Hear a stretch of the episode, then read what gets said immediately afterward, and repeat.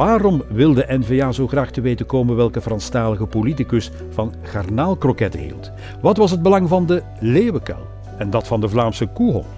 U komt het allemaal te weten in de podcast 20 jaar NVA met Sander Lones en Anneleen van Bossuit.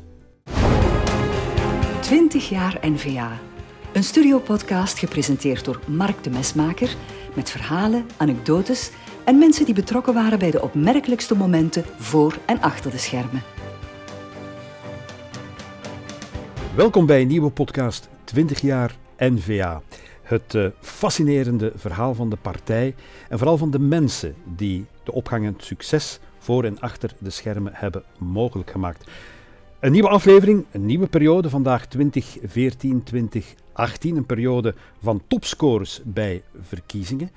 Ook een Vlaamse en federale regeringsdeelname aan de Zweedse uh, coalitie. En ook in de partij de komst van veel nieuw talent. En met twee van die toptalenten hebben we vandaag ons gesprek. Dat zijn Anneleen van Bosuit en Sander Lones. Welkom uh, allebei. Twee zeer actieve Kamerleden op dit moment. Maar voordien twee actieve leden van het topteam in Europa, in het Europese eh, parlement. En voordien al, alle twee ook leden van een topteam op de barricade op de studiedienst. Dus een heel uh, traject. Het wordt boeiend om met jullie uh, uh, vandaag te praten. En Sander zelfs gewezen minister. Al was het maar heel even, maar toch gewezen excellentie. En beide natuurlijk ook lokaal geworteld in de lokale politiek. Anneleen zie je vaak tussen de oude torens van Gent dwalen. En Sander in gele jekker langs de strandlijn in Oostduinkerke, al dan niet op garnalenvangst. ja. Goed, um, we beginnen ermee. Anneleen, um, u hebt niet echt een, een, een, politieke stamboom, of zelfs een Vlaams nationale uh, politieke stamboom. Hoe bent u bij de NVA terechtgekomen? Dat is eigenlijk heel toevallig gekomen. Ik, um, voor mijn ja, politieke carrière, als je het zo kan zeggen, uh, was ik werkzaam als assistent op de rechtsfaculteit, het Europees Instituut van de Rechtsfaculteit van de Universiteit Gent. En in het kader daarvan had ik een boek geschreven over Europa. En bij de persvoorstelling daarvan was Frida Brepoels, toenmalig Europees parlementslid voor de partij, het enige Europees parlementslid dat we toen hadden. Zij was daar aanwezig. Dat was in uh, juni 2010, ik ga het nooit vergeten, dus vlak na de grote, eerste grote verkiezingsoverwinning van de, van de partij. En Frina benaderde mij en ze vroeg, ze zei van, ja kijk, met de partij zijn we aan het kijken om een studiedienst op te richten. Zou jij voor ons uh, Europa en buitenland willen opvolgen? Ik was toen zes of zeven maanden zwanger van mijn, uh, van mijn dochter. En ik had voor mijzelf eigenlijk al uitgemaakt van ja, op de universiteit wil ik niet blijven na mijn doctoraat.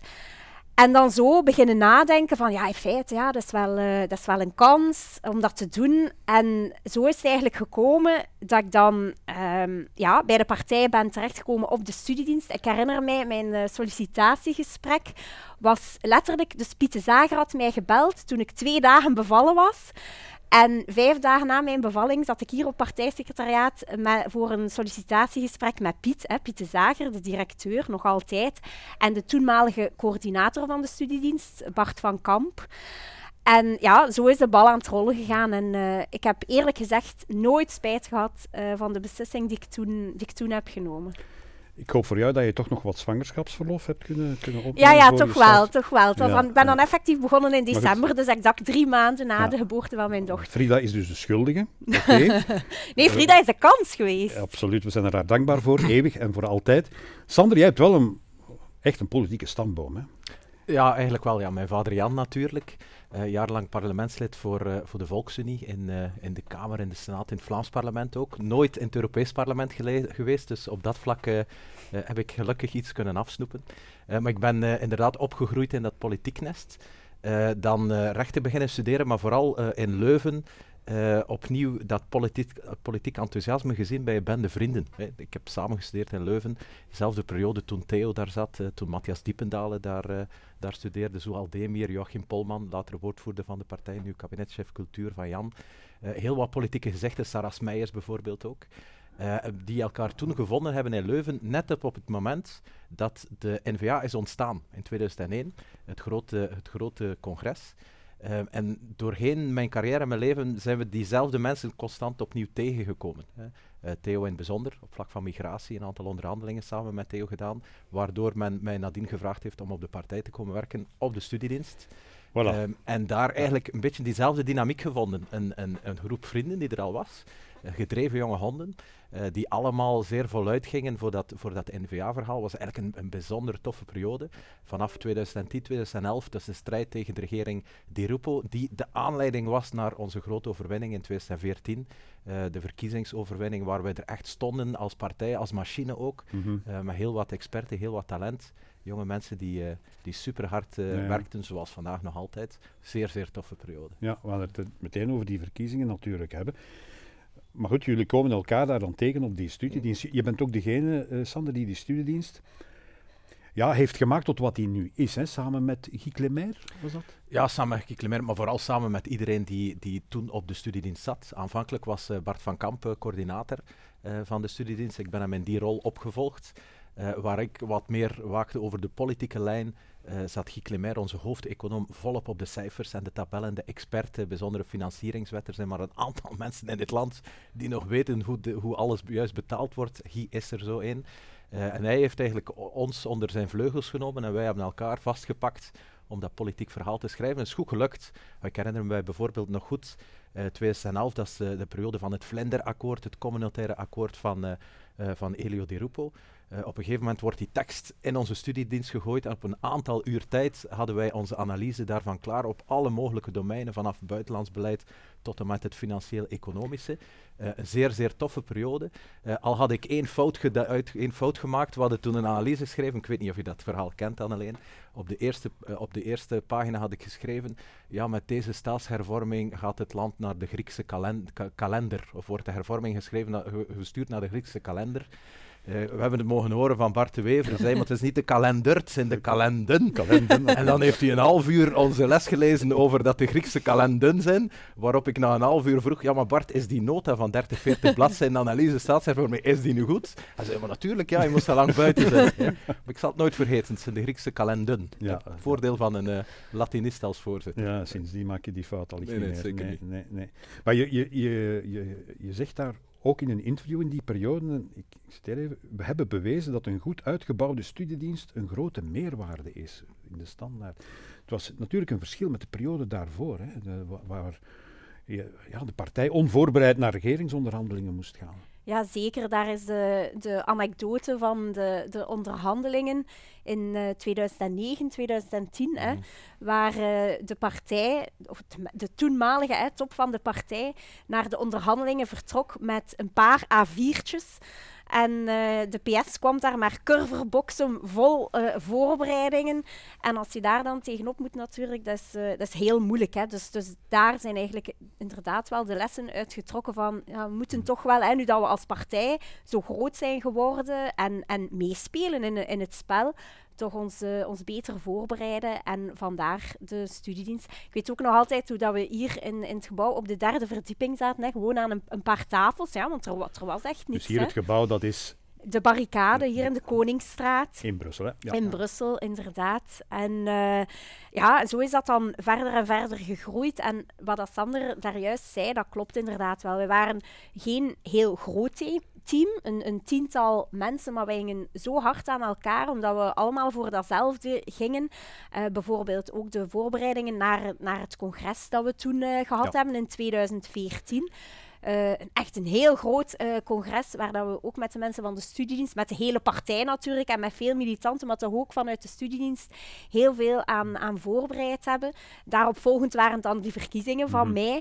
Dus uh, zo'n hecht team, dat was echt een superleuke periode. Even naar dat congres, want dat is natuurlijk een mijlpaal hè, voor, voor, voor, de, voor de partij. Dat is allicht het resultaat toch van lang studiewerk en voorbereidend werk hier op de barricaden van de studiedienst.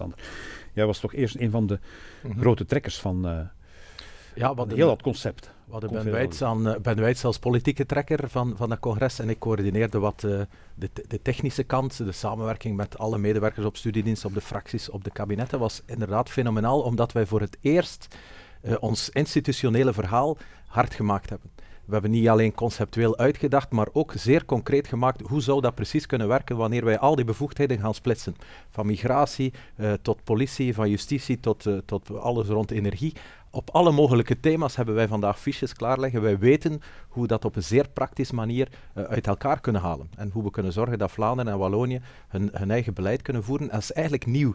Geen enkele partij heeft ons op dat detailniveau die oefening voorgedaan. We hebben dat zelf gedaan, maar ook met begeleiding. Een aantal externe consultancybureaus, grote juristen, uh, internationale uh, juristen ook, die, die eigenlijk ons model hebben bekeken, hebben doorgerekend ook. En die zeggen dat het stand houdt. En wat eigenlijk nog fijn is, uh, vooral fijn is, is dat wij dat model uh, nu voor de regeringsonderhandelingen uh, die recent geweest zijn, opnieuw eens op tafel hebben gelegd en opnieuw hebben doorgerekend. En het houdt nog altijd stand. Dus wat wij toen, zeven jaar geleden, hebben uitgedacht, is vandaag nog altijd geldig. En op dat vlak zijn we nog altijd een, de, de leidende kracht. Ja, ik volg u natuurlijk ook op Twitter en wat mij opvalt, je tweet nog regelmatig over dat onderwerp, confederalisme. Het is echt doorleefd en doordrongen bij u. Hè? Ja, absoluut. Maar dat is de reden waarom wij aan politiek doen. Eh, om ervoor te zorgen dat de Vlamingen eindelijk het beleid kunnen krijgen waar zij voor stemmen. Eh, en de enige manier om dat echt en structureel te doen, is te zorgen dat ze ook de bevoegdheden hebben om over hun toekomst uh, te beslissen. Um, dat is de ene reden waarom ik er nogal actief over ben. De andere ook is omdat daar een zeer dynamiserende kracht uh, uitgaat. Hè. Ik heb het congres altijd onthouden vanuit zijn inhoudelijke invalshoek, maar nog veel meer vanuit het menselijke. Wat wij toen gedaan hebben, is alle mensen die in en rond de partij circuleerden, al die expertise hebben we samengebracht en hebben we echt gesmeed tot de machine. Uh, en dat heeft zijn resultaten gehad op het moment van het congres, maar zo mogelijk nog veel meer in de aanloop naar die verkiezingen van, van 2014. Wij stonden er als ploeg. Uh, ik hoop trouwens ook dat dat het grootste resultaat zal zijn van het nieuwe congres dat we hebben in 2023. Dat die ploeg, die enorm en zeer fors is, de partij N-VA, dat we die nog kunnen versterken. En dat werkt dan door. Oh, ik herinner mij bijvoorbeeld een, een debat uh, in, in 2014, waar Bart op de televisie was. Jij kent dat beter dan wij, Mark. Dat wordt altijd zo met een vijftal minuutjes op, opgenomen en een vijftal minuutjes later uitgezonden. Dus dat is niet helemaal live. Wat ons een, een, klein gat gaf van vijf minuten om te reageren. En Joachim Polman zat toen in de studio te luisteren naar wat Bart zei. Hij belde ons van alles door, waardoor wij op een paar minuutjes tijd uh, zorgden dat we extra debatfiches hadden, extra informatie, die wij op de sociale media loslieten, om het debat eigenlijk te voeren. En de mensen zaten thuis en hadden echt de indruk dat Bart sprak. En een seconde later er extra fiches op, op het scherm verschenen verschenen. was fenomenaal om te zien. Ik krijg er nog de rillingen van als ik eraan denk. Maar dat was het resultaat van het feit dat daar een ploeg stond. Die voor, voor elke seconde en elke punt en elke komma bereid was om te vechten. Tijdens, tijdens de campagne, maar zeker nadien ook bij die Onwaarschijnlijk, die, ja. die machinerie. Ja. En dan natuurlijk ook het, het, het, het, resultaat van een heel, laten we zeggen, participatieproject, inspraakproject, ook van de basis van de partij. Zeker, zeker, zeker. Want dat is iets wat ik mij ook nog heel goed herinner van, van het congres in 2014. Dat is het feit, ja, we bereiden teksten voor hè, met input van externen enzovoort. Maar dan zijn die teksten heel transparant naar alle leden gestuurd. Dus de leden konden daar zelf op amenderen. Dus dat betekent zelf wijzigingen op aanbrengen van zaken dat ze zeiden nee, ik zie dat eerder zo of zo. En dan tijdens het congres zelf, dus die, die drie dagen in Antwerpen, werden die zaken besproken en konden zelfs daar ter plaatse mensen ook nog recht staan, de micro nemen en voorstellen doen enzovoort. En dan werd daarover gedebatteerd. Dus dat was heel levendig. En als je met militanten praat die er toen ook bij waren, dat is ook wat dat bijblijft bij de mensen. De, de manier waarop dat, dat gebeurd is. We waren daar met een vijfduizendtal, als ik mij uh, goed herinner. Ja, meer kon niet, hè, omdat, er, omdat er de ruimte niet voor was. Maar je voelde dat als je daar, als je daar rondliep, voelde je die, die energie, die fierheid ook uh, van de mensen om, om erbij te horen, om samen aan dat verhaal te kunnen schrijven. En dat is ook de reden waarom dat, dat verhaal vandaag nog zoveel kracht heeft. Juist omwille van het feit dat dat zo gedragen mhm. is, uh, werd toen en nu nog altijd. Dus uh, ja, dat is om zoveel redenen is dat zo'n mooi, mooi verhaal en, en ook iets echt om, om, om fier op te zijn als partij. Er was natuurlijk niet alleen het congres, het belangrijke congres dat moest voorbereid worden. Er waren ook verkiezingen uh, in aantocht, Anneleen. Dat betekent dus een campagne voorbereiden, programma voorbereiden. Inderdaad. Inderdaad. Ja, je zucht een beetje, Mark, maar dat, we zaten zo in de flow. Ik herinnerde mij trouwens nog dat in de kerstvakantie, vlak voor het congres en dan die verkiezingen, ja, dan was er voor ons, dat was geen vakantie, dat was gewoon inderdaad doordoen. Maar dat voelde helemaal niet als een opoffering. Integendeel, je zit in de flow, je werkt uh, zo goed samen als, uh, als team met veel mensen samen. Plus iets wat dat ook nieuw was in aanloop dan naar die voorbereiding van de verkiezingen in 2014, is dat we hier ook op het partijsecretariaat de Leeuwenkuil hadden opgericht toen. Dus uh, we hadden dat zo genoemd, de Leeuwenkuil. Dus wat hield dat eigenlijk in? Dat betekende dat um, per groot onderwerp waar dat we als partij mee bezig zijn, zoals migratie, zoals gezondheidszorg, zoals buitenlands beleid, zoals justitie, dat er eigenlijk um, eilandjes werden gezet. Hè. Dus waarbij, waarom dat dan iedereen van de partij, van fractiemedewerkers, parlementairen vaak ook, mensen van de studiedienst, samen zaten om, uh, als er debatten waren, om die voor te bereiden rond uw thema, maar ook om de, uh, ja, de verkiezingsprogramma's te schrijven, uh, specifiek dat thema. Dus dat creëerde opnieuw zo'n groepsgevoel dat dan heel concreet werd gemaakt en ook fysiek werd gemaakt door die leeuwenkuil. Alleen al de naam uh, toont hè, welke, welke sfeer en, en welke energie daar hing. Mm.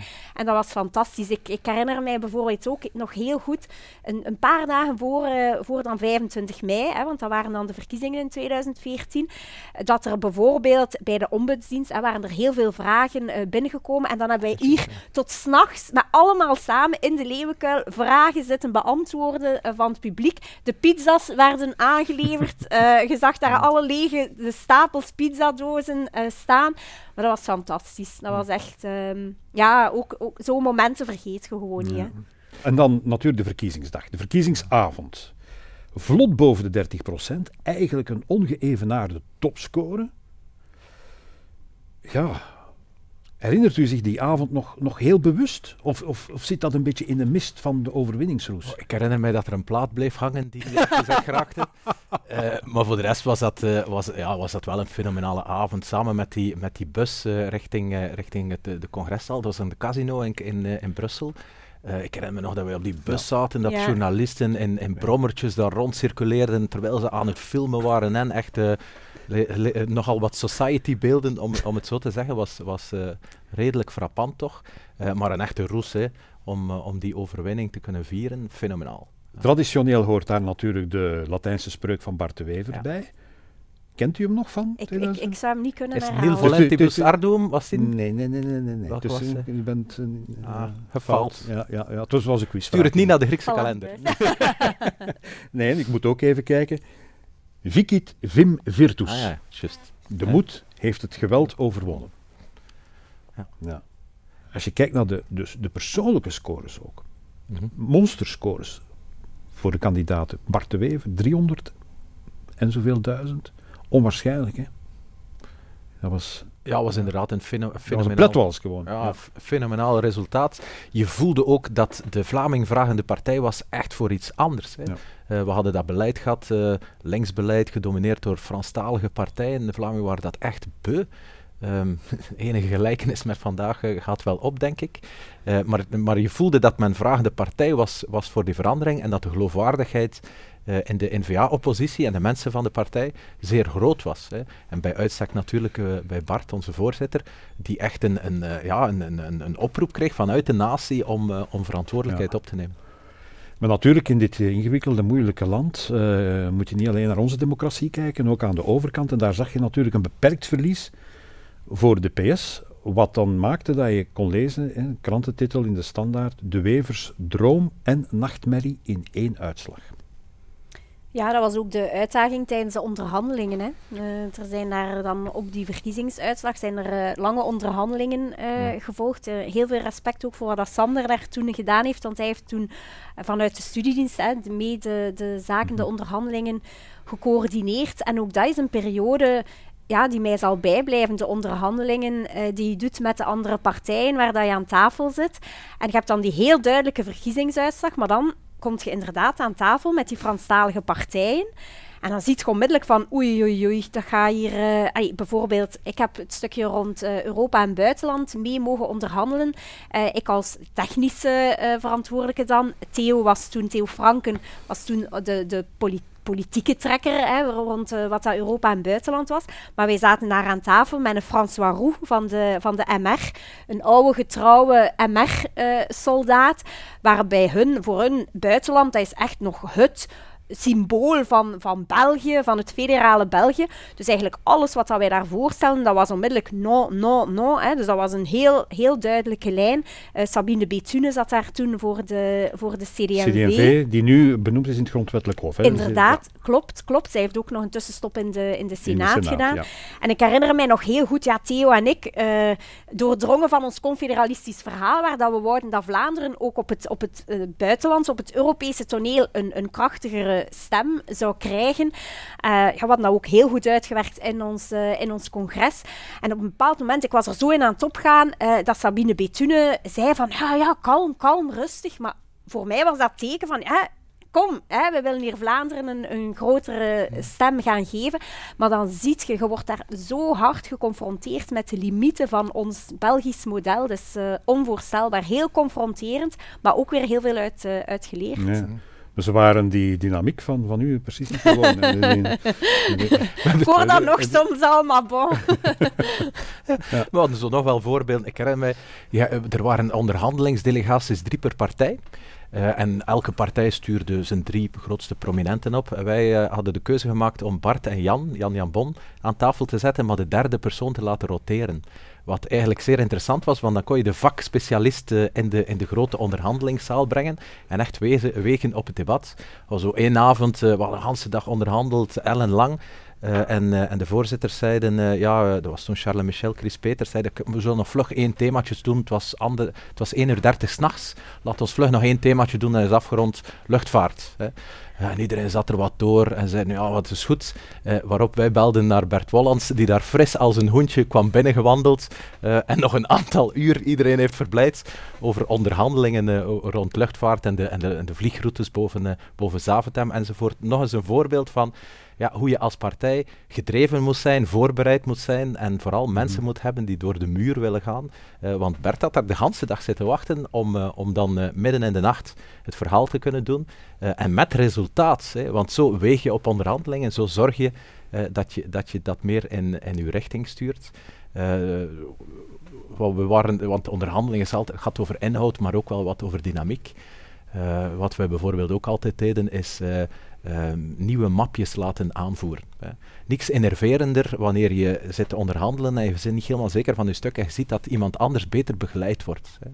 En dus wat deden wij? Ik vroeg dan aan, aan ons secretariaat Jeroen Poppen om om de zoveel uur te komen met nieuwe mapjes. En dikwijls zat er zelfs niks nieuws in.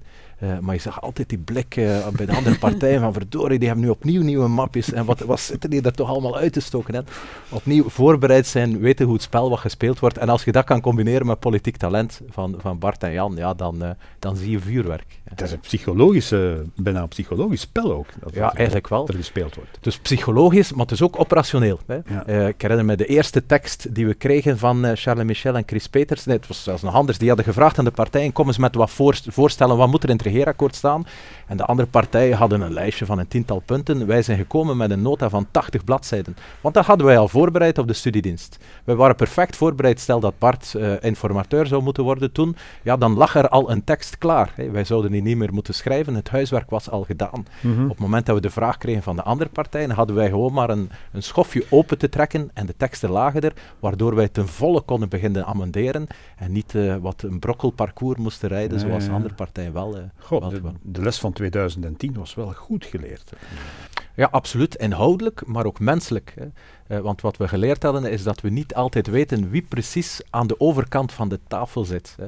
Dus het allereerste wat wij ook hebben gedaan is, uh, is onze mensen uh, persoonsfiches laten schrijven van die, van die Waalse politici.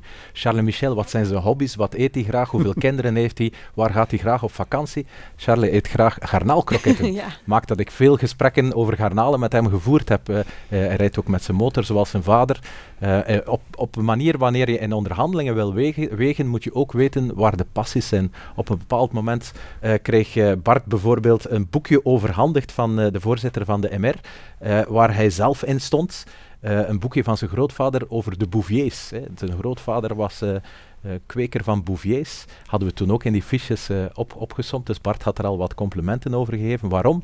Omdat de Bouvier ook heet, Mark, je zal dat weten, de Vlaamse koehond. Hè. Okay. dus zijn de kleine zaken die de sfeer bepalen. Het is niet alleen wat je eet, maar ook ja, de interesse die je toont voor mensen die, die maakt dat je net dat, meer kan, dat, dat beetje meer kan wegen dan die onderhandelingstafel. het ijs proberen te breken. Op die het ijs proberen te breken, effectief. Ja. Interessant. Voor alle duidelijkheid, dat was dus met de MR, want de PS op dat moment stond al aan de kant. Hè? Ja, en dat is natuurlijk een, een ganse oefening geweest, hoe we, hoe, we, hoe we daar een volledig nieuwe strategie gaan bewandelen zijn met de partij. Uh, jaar en dag is uh, de strategie van de Vlaamse beweging om ja, zoveel als mogelijk de kar in onze richting te duwen, maar telkens worden we geconfronteerd met het Franstalige non. Uh, wat wij in 14 gedaan hebben, voor het eerst in de geschiedenis van die Vlaamse, van die Vlaamse beweging, is de tegenovergestelde uh, werking. Hè. We hebben gezegd, ja nee, we zullen ons niet uh, van tafel laten duwen, we gaan die tafel domineren. We zullen ons niet laten doen door België. Nee, we gaan België proberen te domineren. We gaan België gebruiken tegen de Franstaligen. We gaan een beleid voeren op Belgisch niveau dat de Franstaligen eigenlijk liever niet zouden zien. Een centrumrechtsbeleid, hè, terwijl zij stemmen uh, op, op, voor een linkse politiek. Uh, en dat is helemaal vernieuwend. Hè, hoe we eigenlijk het België gebruikt hebben als wapen. Natuurlijk in een ganse strategie. Omdat wij het beu zijn om, totaal, om constant gedomineerd te worden door, door regeringen die, waar de Franstalige partijen, de linkse partijen, zowat alles voor het zeggen hebben, wilden wij het anders. En we wilden vooral dat zij vragende partij werden voor het confederalisme, vragende partij om zelf bevoegdheden te krijgen. Te krijgen. Want wanneer, wanneer je als Franstalige vaststelt dat je daar aan de kant moet blijven staan, de PS aan de kant moet blijven staan, dat is volledig tegen Maar heeft dat gewerkt? Ja, eigenlijk wel. Op dat deel wel. Uh, we zien dat de PS uh, in 2014 uh, wilde domineren. We hebben ze aan de kant geduwd. ze hebben vijf jaar vastgesteld wat het is om een federale regering te moeten ondergaan, waar zij geen kabinetten hadden, waar zij niet het beleid van zagen wat ze wilden. en de PS heeft die analyse gemaakt dat ze dat nooit meer opnieuw willen beleven. Uh, en dat is de reden waarom zij nu in de vorige zomer, de zomer van, van 2020, uh, dat we eigenlijk redelijk ver zijn geraakt in die gesprekken tussen Bart de Wever en Paul Magnet, omdat ook de PS heeft beseft dat België gebruikt kan worden tegen hen. Hè. En dat is, dat is een, een bijzondere les die ze hebben geleerd en het feit dat die strategie op dat punt toch, toch gewerkt heeft. Ja. ja, want niet vergeten, in die periode zaten ze wel degelijk in de deel, op deelstaatniveau zaten ze wel in de regering. Hè. Dus de PS zat op deelstaatniveau wel in de regering. Dus zij waren inderdaad daar geconfronteerd met de limieten waar dat je op stoot als jij uh, op deelstaatniveau iets wil doen. Maar federaal zit er ergens een bevoegdheid ja, dat je gewoon niet verder kunt. Hè. Maar laten we eerlijk zijn, wat we toen gedaan hebben, was totaal niet evident. Hè. Nee, ik wou, ik wou er naartoe komen ook wel wat kritiek ook van de achterban. Die zei van oké, okay, die grote verandering met V van Vlaams, die komt er niet. Uh, realisatie van, van dat confederalisme-congres op de lange baan, in de frigo. Ja. Dat is wat je, je hoorde hè, bij een deel ja. van de achterban. Niet evident, inderdaad. Plus dan nog het Waalse debat. Want wat we daar eigenlijk gedaan hebben voor de Waalse democratie, we hebben die compleet geminoriseerd. Hè. Wat zij ons gelapt hebben, hebben wij hen gelapt. Hè. Uh, en eigenlijk is het eerlijke antwoord, we hebben dat ook altijd gezegd, dat dat democratisch niet correct is. Mm -hmm. Ons verhaal is dat elke grote regio zijn beleid moet kunnen voeren dat ze zelf willen. Hè. Uh, wij hebben eigenlijk de Franstaligen uh, een aantal jaar gedomineerd met een verhaal dat zij niet willen. Dat is democratisch eigenlijk toch wel discutabel, maar verantwoord om hen natuurlijk te overtuigen om die, om die stap te zetten naar, meer, uh, naar het splitsen van een aantal bevoegdheden. Maar zeker, zoals je zegt Mark, ook voor onze achterban was dat, was dat verre van, van evident. Ik, om, om daar opeens ministers te zien, N-VA-ministers, die bijvoorbeeld op de 21 juli op de tribune moeten zitten met een aantal Belgische vlaggen, omdat, omdat wij gezachtsdepartementen uh, bemanden. Ja, dat is een, een combinatie die, die, die niet uh, evident was, maar die wel verantwoord was. Zeker in de periode die we nadien gezien hebben. De periode van de aanslagen, de periode van de migratiecrisis, ook de, de financiële-economische problemen die er op Europees niveau waren, met Griekenland toen destijds wel. Wij hadden toen Jan Jan Bon op veiligheid, Theo Franken op migratie, Johan van Overveld op financiën. Echte uh, competenties die naar het hart van de bevoegdheden gaat.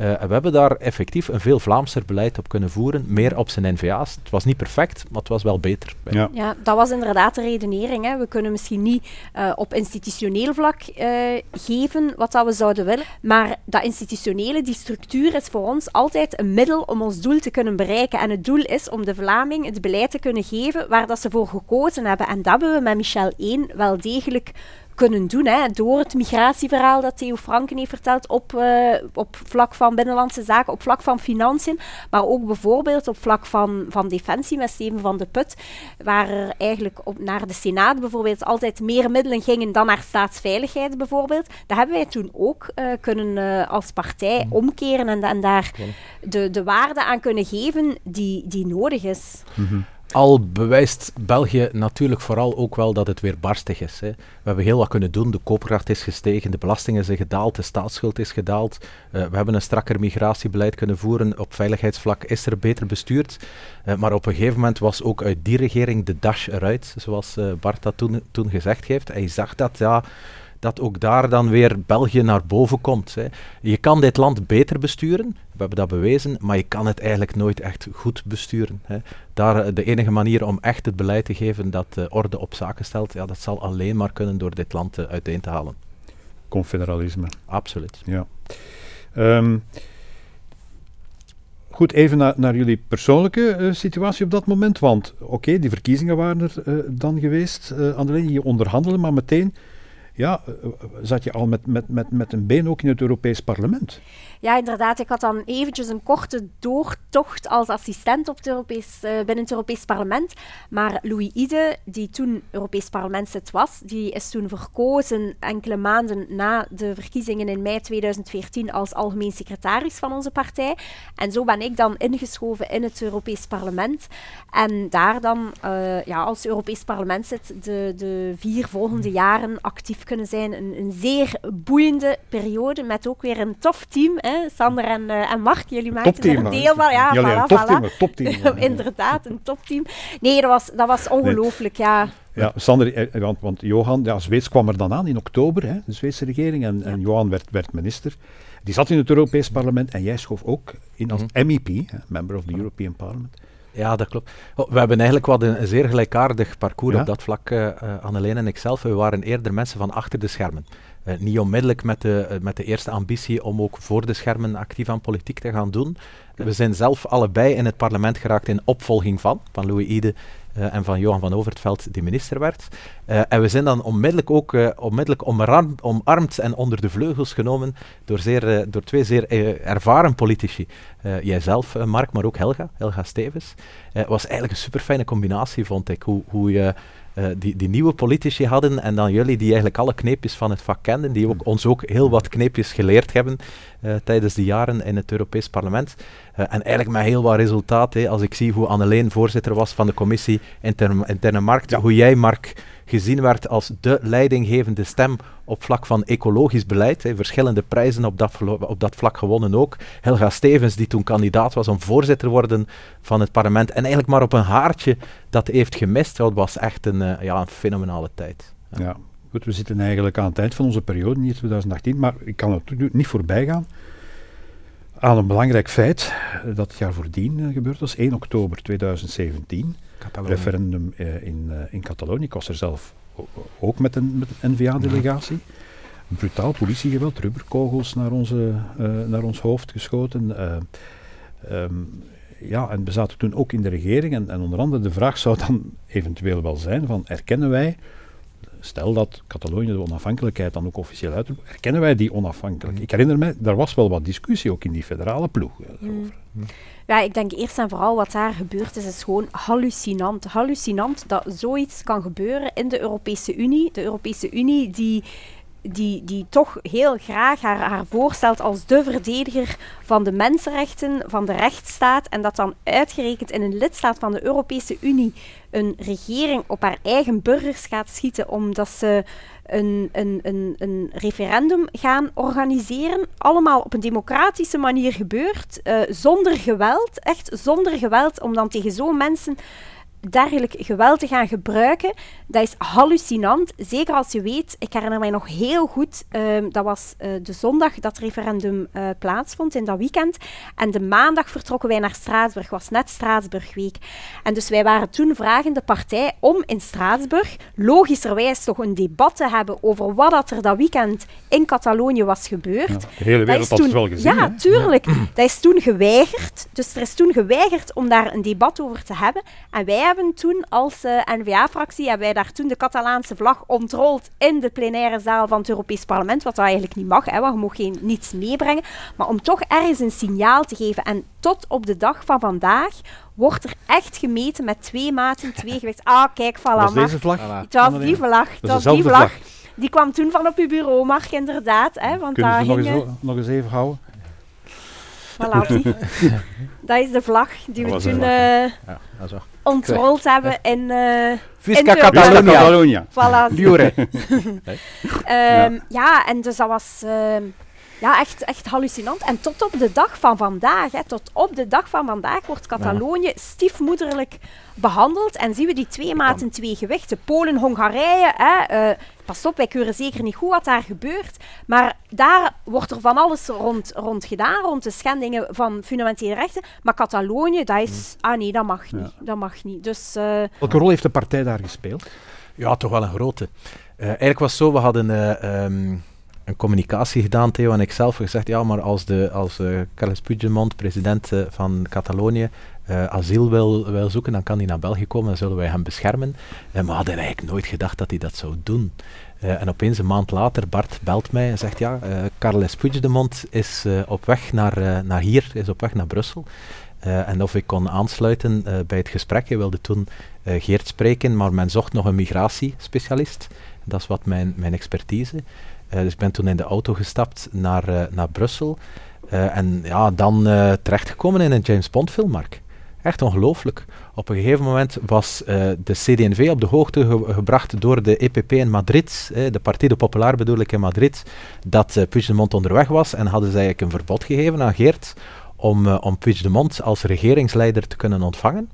Uh, waarna ik dat, ik dat moest doen, maar tegelijk ook wel wist dat uh, intussen telefoons werden afgeluisterd, want anders konden ze dan nooit te weten komen. En om dan iemand te kunnen bereiken uh, zonder echt telefoons te, te kunnen hanteren en dan nog niet zeker weten of ook een auto werd gevolgd, was redelijk absurd. Ik heb toen Karel van Lauw gebeld, we zijn naar zijn huis gereden in, uh, in Sint-Agata-Berchem. We hebben toen op een, op een parking gestaan langs de autostrade, zodat ik kon zien of hun auto alleen wordt. En dan langs kleine baantjes naar zijn huis gereden. Die man daar ontmoet. Ze hebben onmiddellijk een, telefoons buiten gelegd, omdat ook zij wel wisten dat ze afgeluisterd werden. En toen, uh, ik, ik, zal het nooit vergeten, Puigdemont die voor ons zat, Karel en mij, samen met, met minister Vorn toen. en eigenlijk met de blik in hun, in hun ogen, we zijn in Brussel, wij zijn gered. En waar wij hen eigenlijk de boodschap moesten brengen van ja, zo weerbarstig is het systeem. Men zal u, dat, uh, men zal u proberen te verhinderen langs alle mogelijke manieren.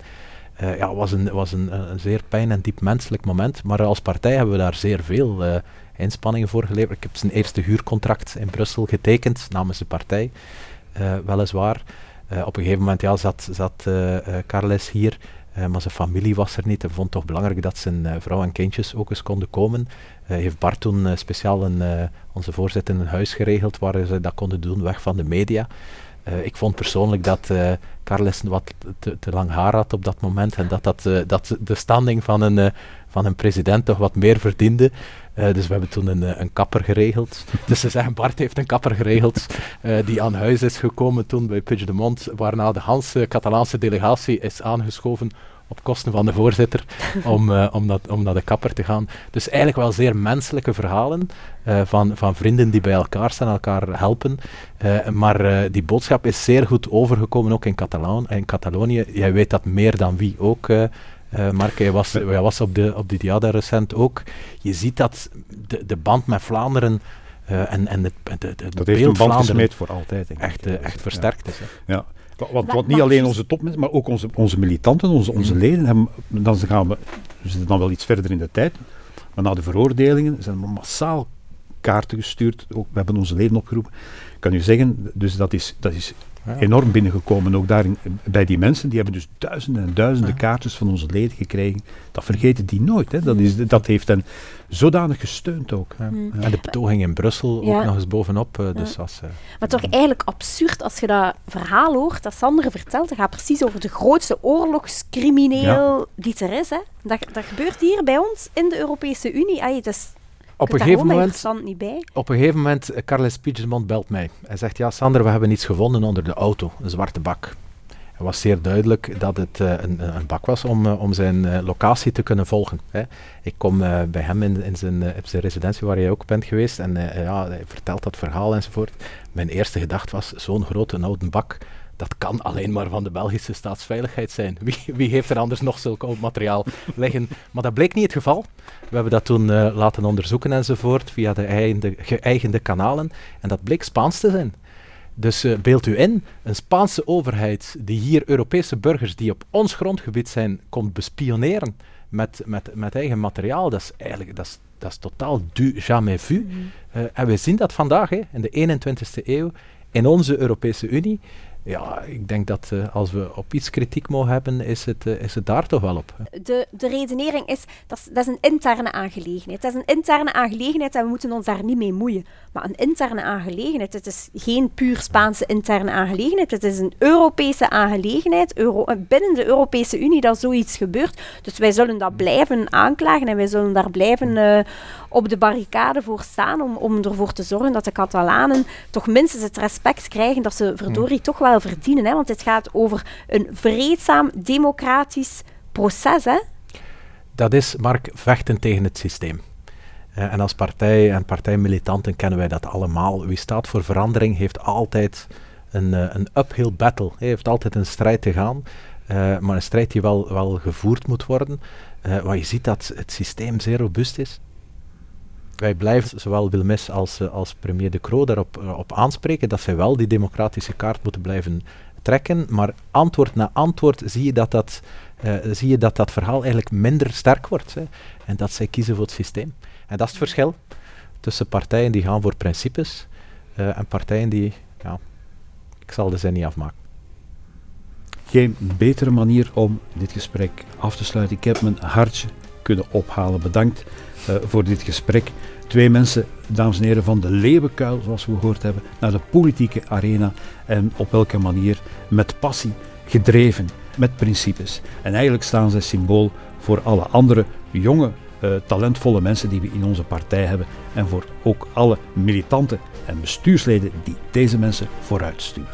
Graag afspraak natuurlijk voor onze volgende podcast. Ik kijk er al naar uit.